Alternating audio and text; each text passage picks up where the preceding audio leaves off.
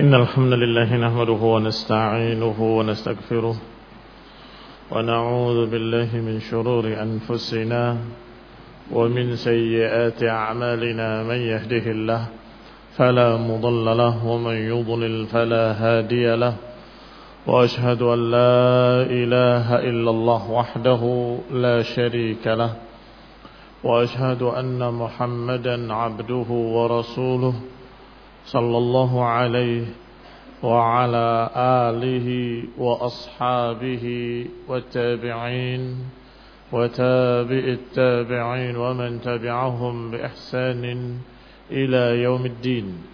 يا أيها الذين آمنوا اتقوا الله حق تقاته ولا تموتن إلا وأنتم مسلمون. يا أيها الناس اتقوا ربكم الذي خلقكم من نفس واحدة وخلق منها زوجها وبث منهما رجالا كثيرا ونساء. واتقوا الله الذي تساءلون به والأرحام. إن الله كان عليكم رقيبا. يا أيها الذين آمنوا اتقوا الله. وقولوا قولا سديدا يصلح لكم أعمالكم ويغفر لكم ذنوبكم ومن يطع الله ورسوله فقد فاز فوزا عظيما. أما بعد فإن خير الحديث كتاب الله وخير الهدي هدي محمد صلى الله عليه وعلى آله وسلم. وشر الأمور محدثاتها فإن كل محدثة بدعة وكل بدعة ضلالة وكل ضلالة في النار إخواني في الدين أعزكم الله كمسلمين رحمني ورحمكم الله Sudah kita bacakan dalil-dalil dari ayat dan hadis tentang wajibnya kebersamaan. Kaum muslimin seluruhnya bahkan seluruh dunia harus berjalan bersama-sama di atas jalan yang sama, berpegang dengan pegangan yang sama, berhujjah dengan dalil yang sama, Quran was sunnah dan memahaminya dengan pemahaman yang sama dengan pemahaman para sahabat radhiyallahu alaihim ajma'in. Dan peringatan dari yang sebaliknya yaitu perpecahan-perpecahan. Dan hati-hatilah dari pemecah belah umat yaitu serigala-serigala dalam bentuk manusia yang ingin menerkam kambing-kambing yang sendirian.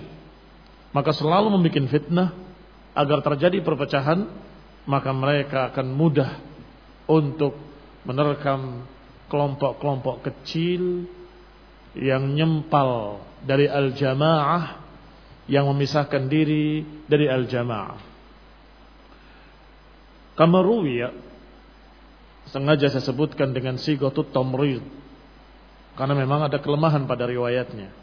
Kamaruya sebagaimana diriwayatkan bahwa Nabi SAW menyatakan inna syaitan di'bul insan. Sesungguhnya syaitan adalah serigalanya manusia bil ghanam. Mirip seperti serigala-serigala yang menerkam kambing-kambing.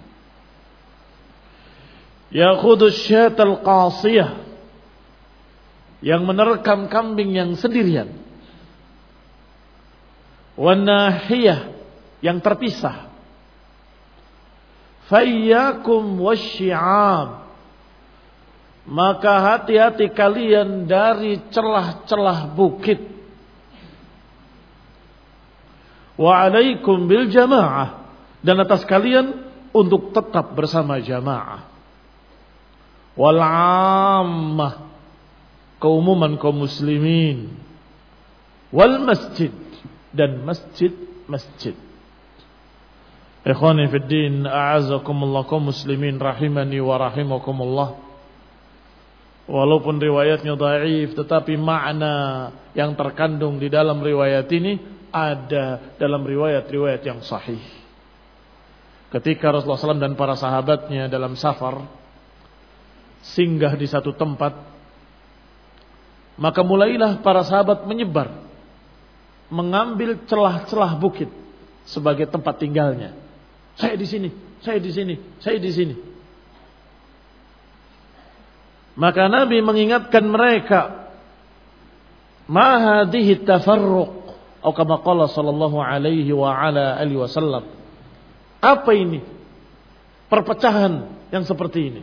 Padahal bukan masalah penyimpangan manhaj. Bukan penyimpangan akidah. Hanya tempat saja. Masing-masing mencari syi'ab. Syi'ab. Syi'ab. Celah-celah bukit. Ternyata Nabi SAW menyatakan itu tidak baik. Sejak itu, kalau singgah di satu tempat, para sahabat berkumpul berkemah di tempat yang sama. Bahkan sebagian mereka tidur, istirahat, bermalam, berdekatan. Satu sama lainnya. Tidak berjauhan. Maka saya katakan riwayat ini tadi semakna dengan itu. Sesungguhnya ada syaitan yang syaitan ini seperti serigala yang memakan kambing-kambing yang sendirian yang biasa menerkam kambing-kambing yang terpisah dari rombongannya. Maka kata Nabi, "Iyyakum wasyi'ab."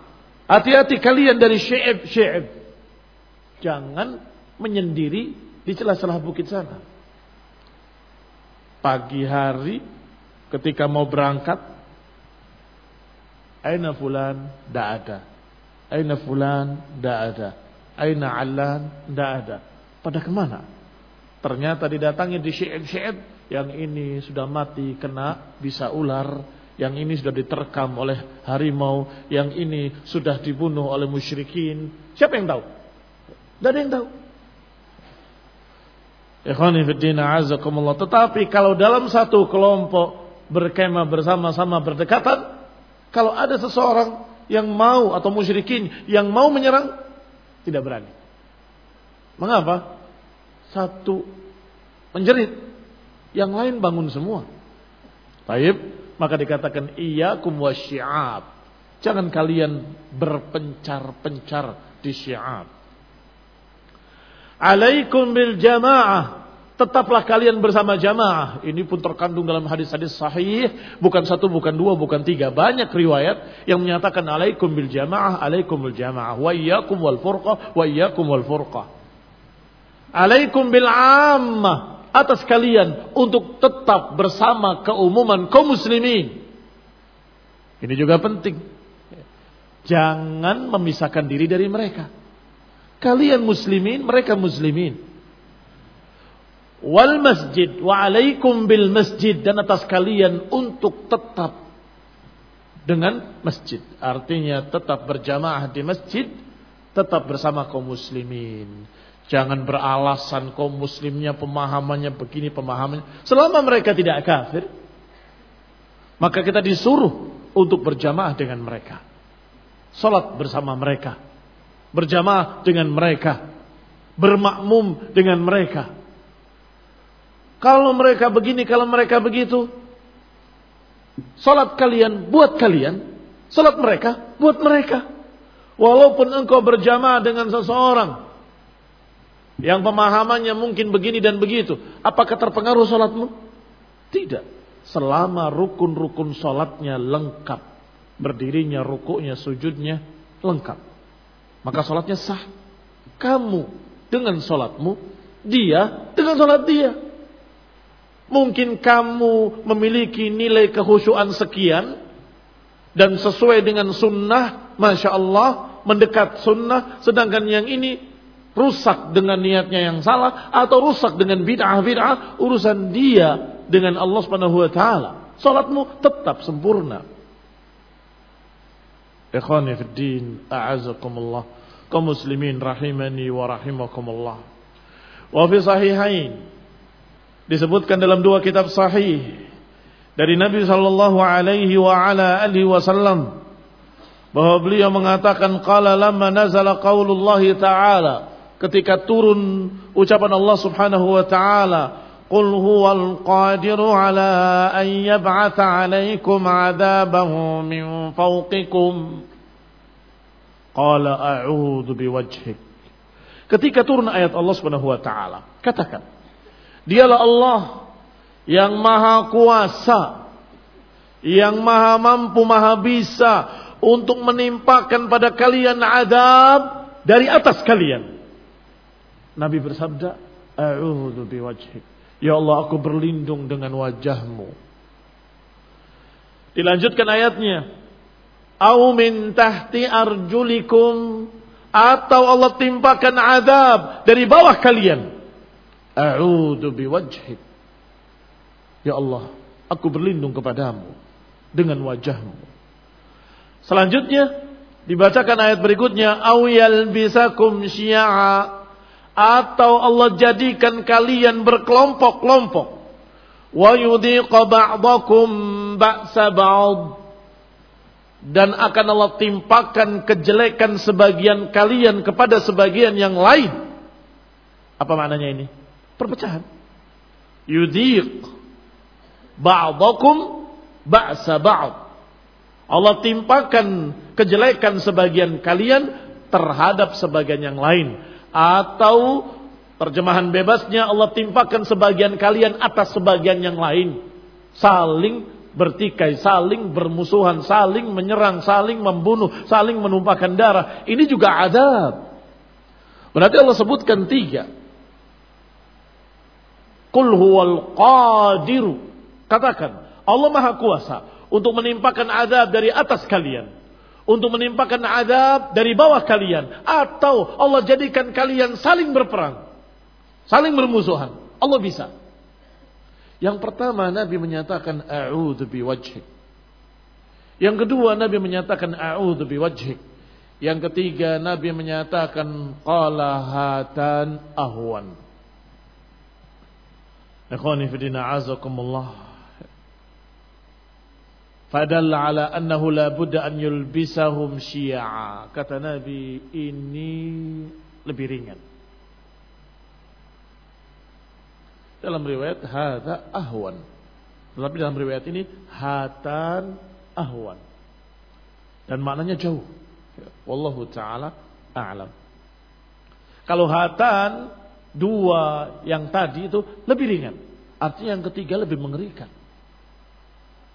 Iya kan? Hatan yang dua tadi ahwan. Lebih ringan jika dibandingkan dengan perpecahan sesama kaum muslimin.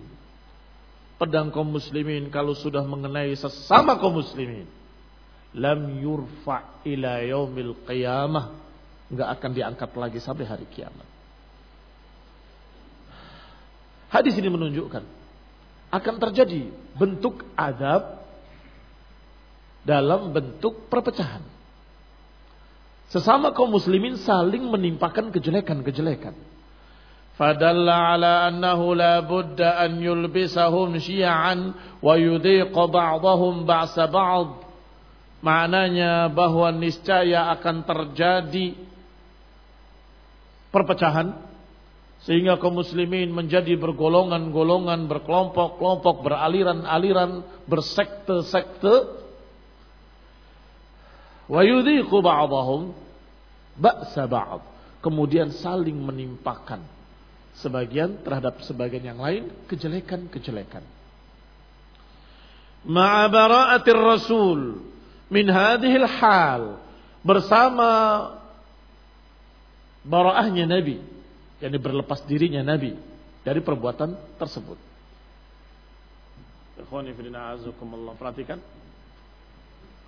dua perkara yang tidak bertentangan berita dengan perintah. Berita dengan perintah. Beritanya akan terjadi perpecahan. Perintahnya jangan berpecah. Apakah bertentangan?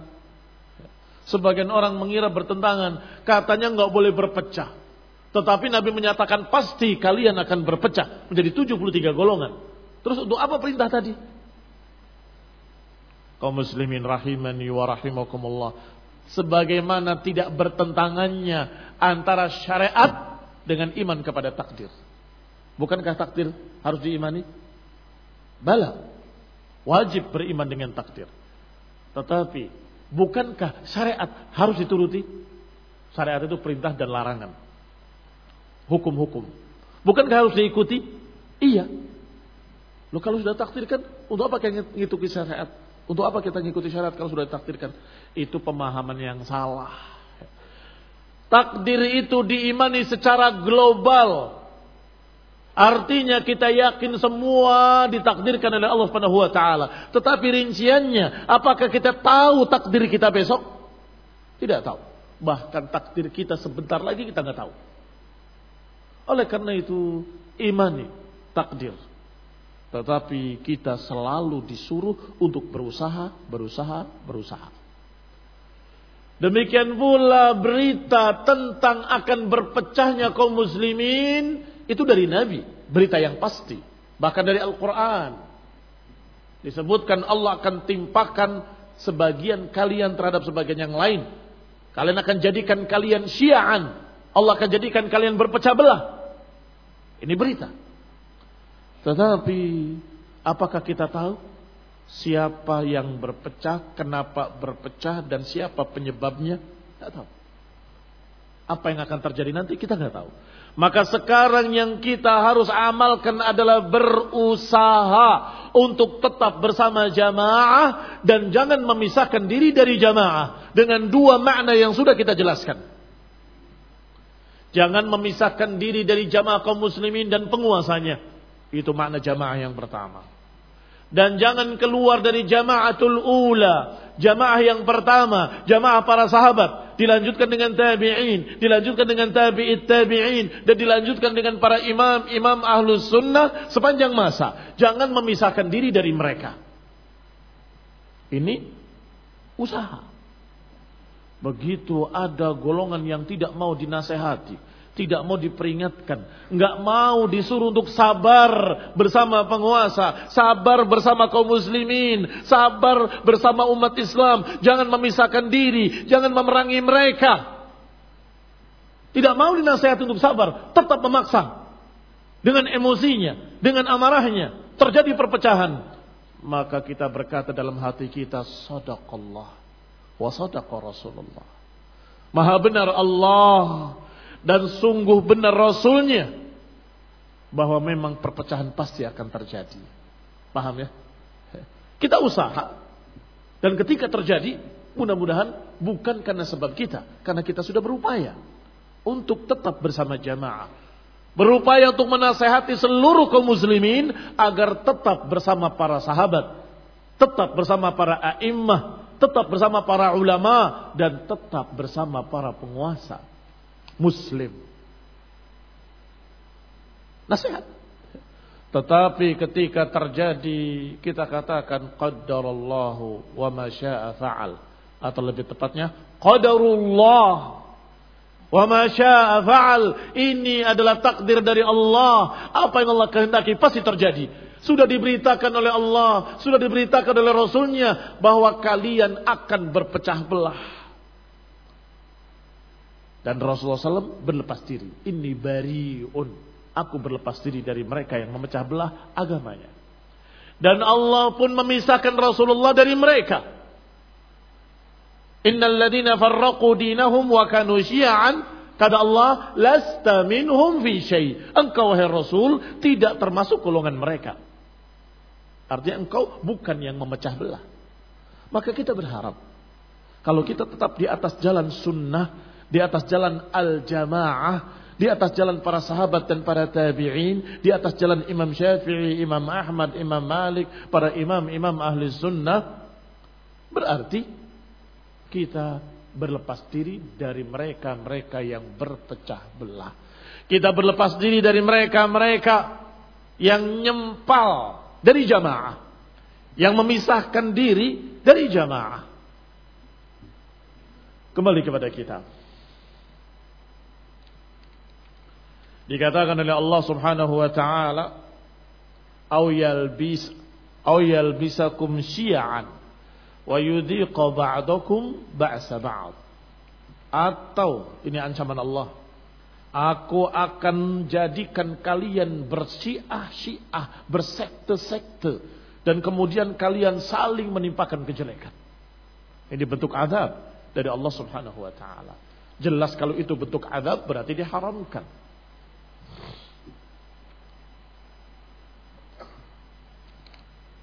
Walihada qala az-Zuhri oleh karena itu Imam az-Zuhri berkata waqa'atil fitnatu wa ashabu Rasulullah sallam mutawafirun.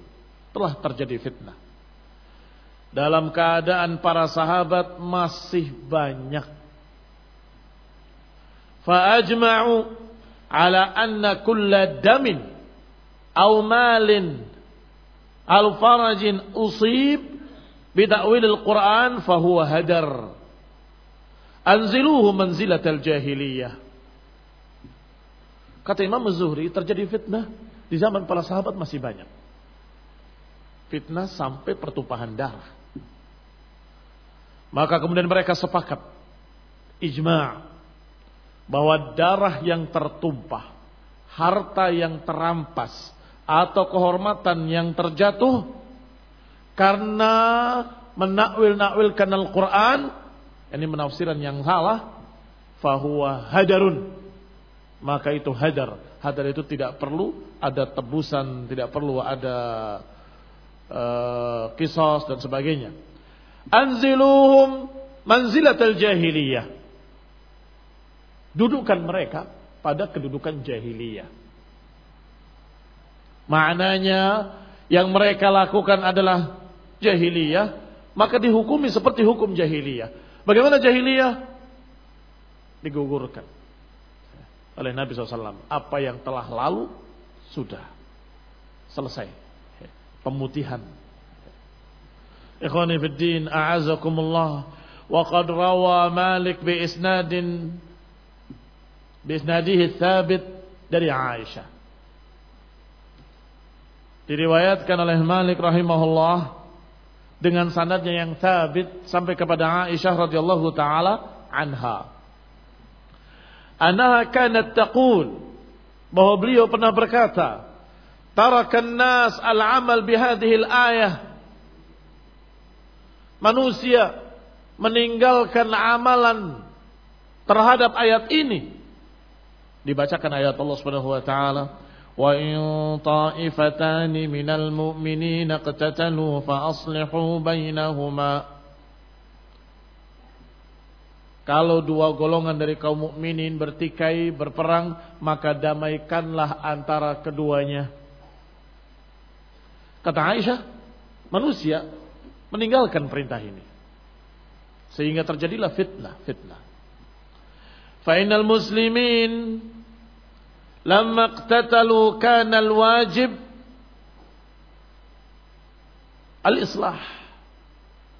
Bahwa kaum muslimin kalau berperang, kalau bertikai, maka yang wajib adalah didamaikan. Bukan dikasih bensin. Bukan ditambah bahan bakar. Bukan dipersenjatai bukan didukung. Tetapi aslihu bainahuma damaikan antara keduanya. Falamma lam ya'mal bidzalik sarat fitnatan wa jahiliyah. Kata Aisyah ketika mereka tidak mengerjakan ayat ini maka terjadilah fitnah. Terjadilah jahiliyah. Wa hakadha tasalsalan niza' demikianlah berlarut-larutnya pertikaian karena mereka tidak mengamalkan ayat Allah Subhanahu wa taala wa in ta'ifatani minal mu'minina qatatalu fa aslihu bainahuma. Tidak melaksanakan ayat Allah yang mengatakan kalau ada dua kaum muslimin berperang bertikai aslihu bainahuma. Damaikan antara keduanya. Jangan kemudian saya mendukung kamu serang mereka atau sebaliknya, mendukung yang di sana. Saya bersama kalian, serang. Jangan. Tetapi mengatakan pada kedua belah pihak, sabar. Mereka saudara kalian kaum muslimin. Mereka masih sholat. Mereka masih puasa. Mereka orang yang masih memiliki ciri-ciri keislaman. Jangan Mereka muslimin. Maka yang diperintahkan dengan ayat ini adalah wahai kaum muslimin, kalau ada mereka-mereka yang memerangi kaum muslimin, misalnya para khawarij memerangi kaum muslimin yang sedang berkuasa. Kamu jangan mendukungnya. Saya salut. Mereka memang pejuang, mereka mujahid. Yang matinya dikatakan mereka syuhada. Kita akan semakin bangga yang masih hidup ketika yang mati dikatakan syuhada. Semakin bangga yang masih hidup ketika kalian berduyun-duyun datang ke kuburannya. Ketika dikuburkan. Sekian banyaknya. Sampai seperti demonstrasi besar. Yang masih hidup saya ingin seperti dia. Kan begitu. Jangan. Seharusnya ucapkan seperti ucapan Abu Umama Al-Bahili radhiyallahu taala anhu ketika melihat korban-korban pemberontakan ini terbunuh. Beliau menangis. Tetapi keluar dari mulutnya kalimat syarrul qatla tahta adimis sama. Kasihan. Sejelek-jelek bangkai di bawah naungan langit Bukan beliau tidak kasihan. Beliau kasihan. Buktinya berlinang air mata. Sebagaimana diriwayatkan oleh Abu Ghalib. Rahimahullah aku melihat beliau mengeluarkan air mata. Maka aku tanya. Kalau mereka sejelek-jelek bangkai di bawah naungan langit. Mengapa engkau menangis? Kata Abu Umama, aku menangis karena mereka tadinya muslimin. Kaifa fa'ala bihimus syaitan. Mereka tadinya muslimin, kemudian bagaimana syaitan menyeret mereka sampai menjadi sejelek-jelek bangkai di bawah naungan langit. Itu yang bikin aku sedih. Bagaimana mereka bisa terbawa oleh syaitan, oleh serigala, serigala manusia. Yaitu syaitan. Bagaimana bisa menerkam mereka, diseret mereka menjadi syarul qatla tahta adimis sama. Kasihan mereka. Kasihan. Kasihan. Tapi tidak menyatakan mereka hebat, mereka pejuang, mereka bagus. Jelek mereka. Kasihan mereka tersesat. Kasihan mereka menyimpang. Kasihan mereka korban penipuan-penipuan para tokoh-tokohnya. Korban penipuan para syekh-syekhnya. Korban penipuan-penipuan mereka yang mengatakan siapa yang terbunuh dalam operasi bom bunuh diri akan mendapatkan syahid dan menjadi burung-burung dalam surga. Burung-burung hijau sampai dibangkitkan nanti ila akhiri. Kadzab. Pendusta. Kalau benar-benar jihad saja, bunuh diri gak boleh. Apalagi jihad palsu melawan perempuan dan anak kecil, melawan orang yang tidak salah, melawan orang yang dalam keadaan tidak tahu menahu, banci. Ada mahir tuaili bikadzabun asyir. Memandangnya dengan kacamata terbalik. Menyatakan dengan pada polisi dengan bencong. Terbalik. Yang bencong itu memerangi orang yang nggak tahu menau. Nggak tahu kalau kalian akan menyerang. Nggak tahu kalau kalian bawa senjata. Nggak tahu kalau kalian tukang ngebom. Nggak tahu. Dan yang mati anak kecil, perempuan, orang yang dalam keadaan tidak ikut-ikutan, tidak paham. Mak, itu namanya banci. Apakah ada perang sepanjang sejarah para sahabat, para tabiin, para tabi tabiin yang seperti itu? Rasulullah SAW melihat perempuan yang terbunuh marah, menegur yang di depan, perintahkan pasukan terdepan, la taqtulu walidan, wa la taqtulu Aukamaqala SAW, jangan bunuh perempuan, jangan anak-anak. Wala asifan, dan jangan pula membunuh asif. Apa itu asif? Yang tidak ikut perang.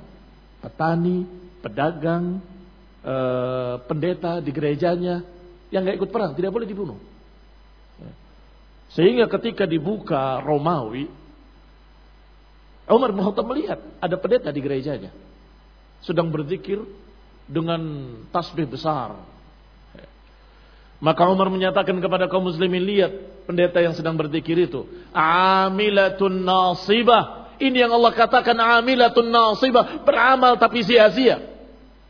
Bukan didukung, bukan dipuji. Dikatakan ini amalan sia-sia, kasihan. Beribadah, beribadah, beribadah tapi salah. Amilatun nasibah. Yang menjadi catatan berarti ada pendeta di hadapan mata mereka. Tidak mereka bunuh. Ini gentle mujahid yang hakiki. Singa-singa Allah. Asadullah, Saifullah. Kalau membunuh tukang warung, membunuh Cina penjual kelontong, itu namanya pengecut, penakut, banci. Ikhwani fidina azakumullah. Kembali kepada kitab. Saya terbawa dengan berita pagi ini. Kalau mereka meledakkan di hadap di depan gereja, entah yang mati siapa, siapa pun yang terbunuh, tetap kita katakan bahwa engkau banci dengan cara seperti itu. Dan kita wajib menyatakan ini bariun minhum Wajib kita katakan bahwa kami berlepas diri dari mereka. Hati-hati. Jangan sampai mereka bersembunyi di dekat kita, di pondok kita, di kajian kita, di majelis kita. Hati-hati. Lihat sebelah kalian siapa. Kalau ada orang asing tanya dari mana. Mereka jahat. Mereka fatan, tukang fitnah. Mereka ingin bahwa semua kaum muslimin dianggap seperti mereka. Mereka berpura-pura jadi kelompok ini, pura-pura jadi kelompok itu, pura-pura jadi kelompok ini, menyusup di kelompok yang ini, menyusup di kelompok yang sana. Hati-hati. Ikhwani fidina azakumullah muslimin rahimani wa rahimakumullah. Qala wa qad taqaddama qawluhu. Dan sudah dibahas ucapan-ucapan dalil-dalil dari ayat dan hadis tentang masalah ini. Walhamdulillah rabbil alamin. Qala rahimahullah, wal umur allati tanaza fiha al ummah atau tanaza'a fiha al ummah. Perkara-perkara yang diperselisihkan oleh umat ada dua jenis. Ada yang bersifat usul, ada yang bersifat furu' hanya istilah. Hanya istilah. Jangan meremehkan yang furu'. Jangan meremehkan yang furu'. Tetapi istilah para usuliyun untuk menyatakan ada perkara itu yang sifatnya pokok yang tidak bisa diganggu gugat. Siapa yang menyelisihinya sesat. Ada perkara yang sifatnya furu'iyah ijtihadiyah. Ulama yang ini beristihad, ulama yang itu beristihad. Kalau berbeda, wajar terjadi. Maka barakallahu fikum hanya untuk itu. Untuk melihat yang ini perkara yang pokok yang tidak boleh. Ada orang yang menyimpang daripadanya, harus kita peringatkan, kita ingatkan. Ada perkara yang memang para ulama pun masih berbeda pendapat. Sehingga walaupun kita maklumi terjadi perbedaan, tetapi kita disuruh untuk tetap mencari yang rajih. Baik. Jangan sampai kemudian kebablasan seperti para Mu'tazilah yang menyatakan yang penting itu usul, yang furuk nggak penting. Ini yang saya khawatirkan, kebablasan. Membagi syariat menjadi usul dan furuk kemudian mulai berkata yang penting itu usul. Adapun yang furu tidak penting. Kata siapa nggak penting? Imam Malik rahimahullah ketika ditanya di depan khalifah dengan pertanyaan, beliau kebetulan tidak tahu dan menyatakan la adri, aku tidak tahu. Si penanya berkata, "Ya Imam, engkau imam, masa tidak tahu?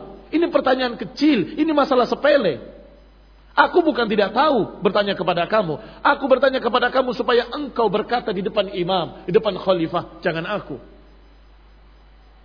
Begitu ada kalimat ini perkara sepele, marah Imam Malik. Laisa fid din. Enggak ada dalam agama masalah yang sepele. Enggak ada dalam agama masalah yang kecil. Semuanya akan ditanya yaumul qiyamah. Semuanya akan dipertanggungjawabkan yaumul qiyamah. Ikhwan ibn a'azakumullah inna sam'a wal fuad wal basar. Semua mata, telinga, hati akan bertanggung jawab dan akan dipertanggungjawabkan nanti yaumul qiyamah. La taqfu ma laysa laka bihi ilmun. Inna sam'a wal basar wal fuad kullu ulaika kana anhu mas'ula. Kata Allah, jangan kalian berbicara apa yang kau tidak punya ilmunya. Pandangan kalian, pendengaran kalian, dan hati kalian semuanya akan dipertanggungjawabkan nanti yaumul qiyamah. Enggak ada dalam agama perkara sepele. Semuanya penting. Maka pasukan perang mujahidin para sahabat ketika akan berangkat perang ditanya siapa yang belum gunting kuku. Siapa yang belum mencabut bulu ketiaknya. Siapa yang belum mencukur anahnya, bulu kemaluannya. Di absen, diperiksa oleh komandannya. Tetapi lihat sekarang, haula khawarij Kalian jenggot kuku. Perang sekarang, perang jihad. Apa urusannya dengan perkara furu katanya. Dilecehkan masalah kunting kuku. Masalah jenggot. Masalah diremehkan oleh mereka. Dianggap kecil. Dari dulu kajiannya toharo, toharo, toharo. Kapan jihadnya kata mereka. Meremehkan toharo. Padahal toharo itu syarat sahnya sholat. Ilmu mereka nggak keluar dari perkara haid dan nifas, katanya. Kata Abdul Ahmad, Abdul Khaliq. Ini barakallahu fikum gara-gara apa? Pembagian ini usul, ini furul. Jadi yang usul harus kita perhatikan. Yang furul tidak penting. Tidak. Dua-duanya penting. Ini hanya istilah, bahkan gak ada dalilnya la fil Quran wala fil sunnah. Apakah ada dalilnya dalam Quran dan sunnah bahwa ini furu' ini usul? Tidak ada. Tidak ada silakan cari dalam Quran. Ah, ini furu'iyah, ini usul tidak ada. Itu hanya istilah para fuqaha dan usuliyun. Bahkan asal muasalnya kalau mau ditelusuri dari Mu'tazilah. Dari Mu'tazilah. Sebagaimana ucapan Syekhul Islam Ibnu Taimiyah rahimahullah bahwa asal muasalnya istilah ini dari mereka, dari Mu'tazilah. Tetapi yang dimaukan oleh Imam Ibn Abdul Aziz Al-Hanafi dalam kitab kita ini adalah perkara yang masih diperselisihkan oleh ulama ahlus sunnah atau dengan bahasa lain masalah ijtihadiyah. Masalah ijtihadiyah. Wa imma fil furu' 'inda al-jumhur alladziina yaquluna al-musib wahid. Wal khatbu fi hadha ashad. Wa imma fil furu'. Dan indal jumhur menurut kebanyakan para ulama tetap yang benar adalah satu perkara furu tadi istihadiah tadi yang para ulama masih berselisih itu pun itu pun yang benar tetap satu yang ini salah walaupun ada kemungkinan benar. Dan pendapat saya benar walaupun ada kemungkinan salah. Sebagaimana ucapan beberapa ulama. Mengapa kok ada kemungkinan ada kemungkinan? Kok nggak yakin? Karena ini istihad saya. Kata para ulama, bukan kata saya. Kata para ulama, aku beristihad. Dan aku melihat ini lebih sahih. Maka saya katakan pendapat saya benar. Walaupun ada kemungkinan salah. Tapi pendapat mereka salah. Walaupun ada kemungkinan benar. Ini khonifiddina azakumullah. Menunjukkan kalau mereka menghormati istihad para ulama. Bukan kemudian menyatakan semua benar. Tidak. Ini benar. Itu salah. Ini benar menurut istihad saya. Itu salah menurut istihad saya. Sehingga mereka tidak ekstrim dalam masalah itu. Tidak sampai mengangkat senjata hanya karena masalah perbedaan-perbedaan tersebut.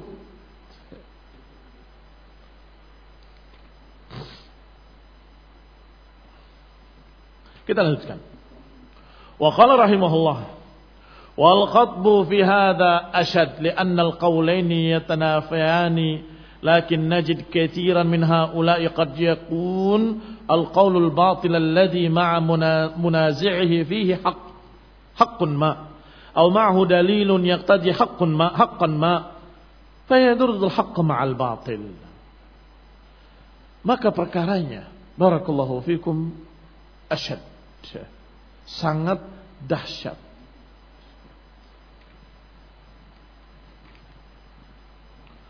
Al-umur yang terbagi tadi usul dan furu idalam tarudda ilallahi war rasul. Kalau tidak dikembalikan kepada Allah dan Rasul akan terjadi kekacauan-kekacauan. Lam yatabayyan fi hal haq. Tidak ada kejelasan. Mana yang benar? Ulama ini menyatakan begini, ulama yang itu menyatakan begitu. Bal yasiru fiha mutanazi'un ala ghairi bayyinatin min amrihim. Bahkan yang bertikai saja. Ini lagi bertikai ini. Masing-masing tidak mengerti. Dalil-dalilnya kenapa? Ala ghairi bayyinatin. Tidak di atas kejelasan fa inna fa in rahimahumullah aqarra ba'dan ba'dhum ba'dha wa lam yabghi ba'dhum ala ba'd. Kalau saja Allah rahmati mereka maka mereka akan saling menerima. Kalau saja Allah rahmati mereka mereka enggak akan melampaui batas satu sama lain. Enggak akan melampaui batas satu sama lain. Kama kana sahabah sebagaimana para sahabat ridwanullah alaihim majma'in dalam khilafah Umar dalam khilafah Uthman yatanaza'un. Terjadi perbedaan pendapat. Fi ba'di masail ijtihad. Dalam perkara-perkara yang sifatnya ijtihadiyah.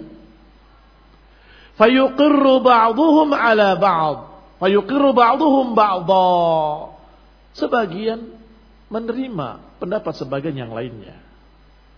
Ikhwani fidina azakumullah. Abdullah bin Mas'ud radhiyallahu taala anhu. Ketika salat di Mina diimami oleh Khalifatul Rashid yang lurus, khalifah yang ketiga, Uthman ibn Affan. Salat empat rakaat di Mina, musafir. Kata Abdullah bin Mas'ud radhiyallahu taala anhu, "Inna lillah wa inna ilaihi raji'un." Seakan-akan musibah terjadi. Inna lillah wa inna ilaihi raji'un. Orang-orang di sekitarnya bertanya, "Apa maksudmu?" Inna lillah wa inna ilaihi raji'un. Kata beliau, aku salat di belakang Rasulullah SAW di Mina. Dua rakaat. Aku salat di belakang Abu Bakar di Mina. Dua rakaat. Aku salat di belakang Umar. Dua rakaat. Tapi beliau sekarang mengerjakan empat rakaat. Kata mereka, lantas kenapa kamu ikut? Jadi makmum dan ikut empat rakaat. Apa jawaban Abdullah bin Mas'ud? Al khilafu syar. Al khilafu syar. Khilaf itu jelek. Perpecahan itu jelek. Taib saya tanya sekarang hukumnya. Kalau musafir sholat empat rakaat, boleh apa nggak boleh? Boleh. Siapa dari ulama yang menyatakan haram? Boleh. Tetapi dia sedih karena apa? Karena biasanya dikerjakan sesuai sunnah yaitu dua rakaat, dua rakaat, dua rakaat. Kali ini kok empat rakaat? Adapun kalau ditanya Amirul Mukminin Utsman bin Affan mengapa sholat empat rakaat, juga punya hujjah. Kata beliau, aku sholat empat rakaat karena aku melihat Separuh lebih dari mereka adalah orang-orang yang baru mengenal Islam. Aku khawatir mereka mengira bahwa sholat duhur itu dua rakaat. Maka aku mengerjakannya seperti keumuman sholat duhur yang mereka kenal, yaitu empat rakaat. Khawatir fitnah. Lihat ikhwan ibn a'azakumullah. Berarti berbeda pendapat. Naam. Tetapi al-khilafu syar. Kalau ini tidak apa-apa, itu tidak apa-apa. Ini fadlun, ini afdal. Ini baik, ini lebih baik. Mau mengerjakan lebih baik, ternyata imamnya mengerjakan yang di bawahnya. Ya sudah, mau apa lagi? Ngikut. Ya. Kan begitu. Masa kamu mau bikin jamaah sendiri? Imamnya kalau hari Jumat bacanya kulhu sama kuliah. Kita bikin sholat sendiri. Sholat mereka salam, bikin jamaah kedua. Dengan sunnah. Membaca hamim sajdah. Dengan al-insan. Khilaf. Syar. Walaupun kamu merasa ini subuh Sunnahnya panjang, tidak panjang. Jumat lagi. Sunnahnya surat ini, surat itu. Ini malah surat kuliah sama kulha. Kul, kuliah. Ngapain? Pertanyaannya sekarang. Yang harus kamu cermati. Sah atau tidak sah? Dengan kulhu dan kuliah? Sah. Bahkan tulutul Quran. Al-Ikhlas.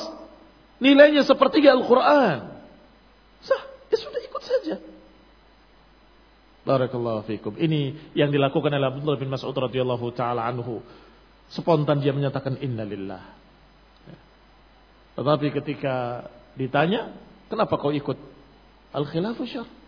Al-khilaf syar. Ini ikhwani fid din a'azakumullah yuqirru ba'duhum ba'dha. Wala ya'tadi wala yu'tada alaih tidak menyakiti dan tidak disakiti, tidak mengganggu dan tidak diganggu. Wa in lam yarhamu, wa in lam yurhamu, itu kalau dirahmati kayak para sahabat. Terjadi perbedaan pendapat, terjadi perselisihan, tapi lihat. Mereka ahlul rahmah, orang yang mendapatkan rahmat dari Allah. Aman. Tetapi in lam yurhamu, kalau saja tidak dirahmati, waqa'a bainahumul ikhtilaf al-madmum. Akan terjadi pertikaian yang tercela.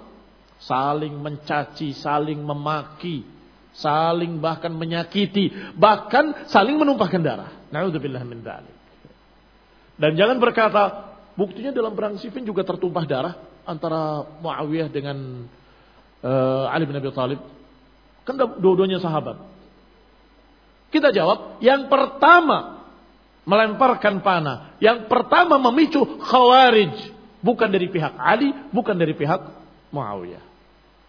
Mereka masih terus mengirimkan surat, saling bertanya, saling bermusyawarah.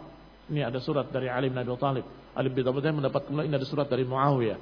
Masya Allah. Bahkan Muawiyah bertanya masalah fikih kepada Ali bin Abi Thalib dalam keadaan sedang tegang antara dua pasukan ini. Ikhwani fiddin, a'azakumullah.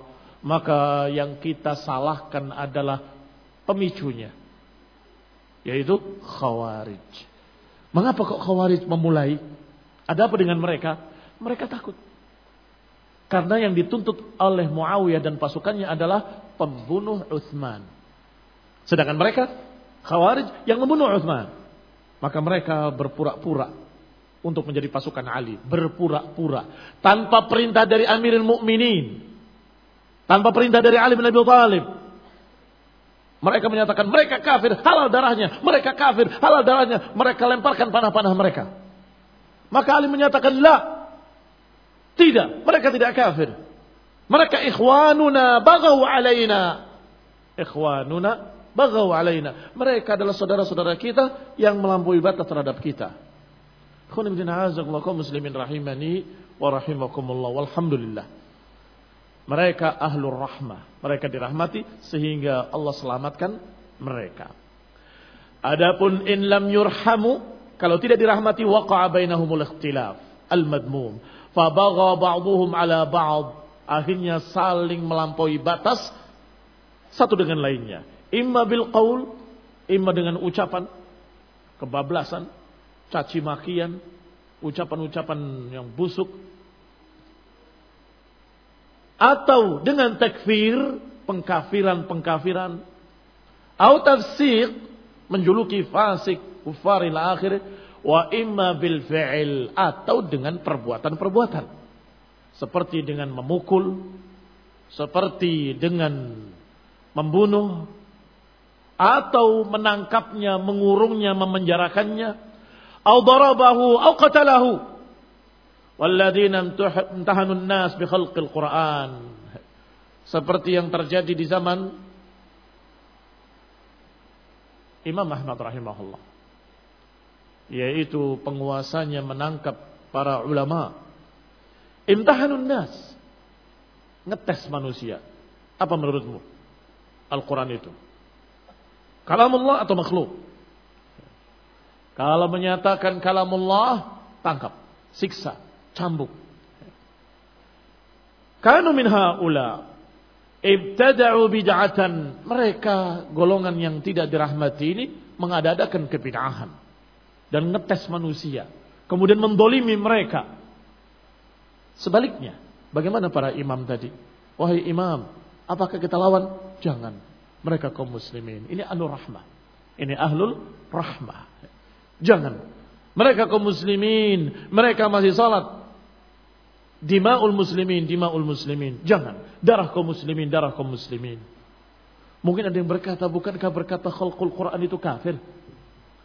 Apakah seluruh pasukan tersebut sama? Kita balas bertanya. Apakah semua yang bersama penguasa itu sama pikirannya? Di antara mereka memang ada yang sama. Di antara mereka ada yang ikut-ikutan. Di antara mereka hanya bekerja. Saya pegawai, ya saya taat. Padahal hati saya tidak cocok. Kamu akan samakan mereka semua hukumnya. Kamu bunuh semua mereka. Wa kafaru man khalafahum fiha. Haqqihi wa uqubatih. Ini yang terjadi di zaman tersebut. Di zaman Imam Ahmad ketika ditangkap beliau dan disiksa. Ternyata Masya Allah beliau sangat sabarnya Bukti kesabarannya adalah pada ucapannya tidak berubah. Tetap menyatakan ini adalah ucapan Allah. Walaupun sakit, disiksa. Dicambuk, dipenjara, lapar. Bagaimana menurutmu Al-Quran? Al-Quran kalamullah. Dicambuk lagi. Bagaimana menurut kamu Al-Quran? Al-Quran kalamullah, bukan makhluk. Dicambuk lagi. Diinjak-injak oleh sipirnya. Ketika ada kaum muslimin, fukoha dari Baghdad, meminta fatwa untuk melawan, beliau berkata, jangan, jangan. Dima'ul muslimin, dima'ul muslimin. Jauh sekali dengan tokoh khawarij. Yang ketika ditangkap karena kesalahannya bukan karena membela Al-Quran kalamullah bukan. Ya. karena menghalalkan darah kaum muslimin dan mengacau. Ya. ditangkap.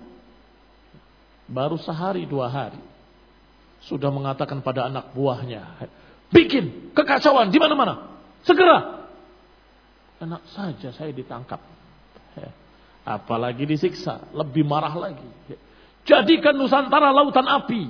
Kan begitu. Itu mereka. Ikhwani fiddin a'azakumullah sangat jauh dengan imam-imam ahlus sunnah. Berbeda jauh dengan Syekhul Islam Ibn Taimiyah rahimahullah. Yang juga dipenjara. Tidak menyatakan lawanlah mereka. Mereka kaum muslimin. Bahkan sebaliknya untuk menunjukkan kalau beliau bukan pengecut, bukan penakut. Ketika pemerintah menghadapi bangsa Tartar, orang-orang kafir yang kejam terhadap kaum muslimin, membantai kaum muslimin, pemerintahnya minta kepada Syekhul Islam untuk membantu membangkitkan semangat rakyat untuk melawan orang kafir ini. Apa jawabnya? Sami'na wa ta'ala. Siap dikeluarkan dari penjara untuk memimpin perang, untuk menyemangati kaum muslimin bahwa ini jihad, mereka kufar, mereka orang kafir menghalalkan darah kaum muslimin, membantai kaum muslimin ila akhir. Kaum muslimin semangat dengan Syekhul Islam Ibnu Taimiyah berperang. Allah berikan kemenangan. Setelah menang, diambil lagi Syekhul Islam Ibnu Taimiyah, masuk lagi penjara. Lihat. Artinya bukan pengecut, siap untuk bertempur kalau di atas kebenaran. Alal haq. Tetapi kalau untuk menjadi pengecut, tidak. Itu bukan jiwanya ahlus sunnah. Itu bukan mentalnya salafiyun. Itu bukan mentalnya ahli sunnah. Pengecut, penakut. Gayanya pakai bahasa Inggris. Hit and run katanya. And run? Nyerang, lari. Oh, kayak zaman dulu. Lempar batu sembunyi tangan. Ikhwanifidina azakumullah. Enggak, kami bukan pengecut, kami berani. Buktinya kami bisa bunuh diri. Oh, beraninya berani bunuh diri. Lebih parah lagi. Itu bukan keberanian. Mengapa? Bukan keberanian. Tidak mau menanggung resiko. Sebab kalau hidup, ketangkap, dia akan menanggung resiko akibatnya. Akan mendapatkan hukuman ini, hukuman itu. Akan mendapatkan demikian-demikian. Takut. Lebih baik mati. Saya nggak menghadapi resiko-resiko tadi itu. Oh itu. Itu bukan pemberani, pengecut juga.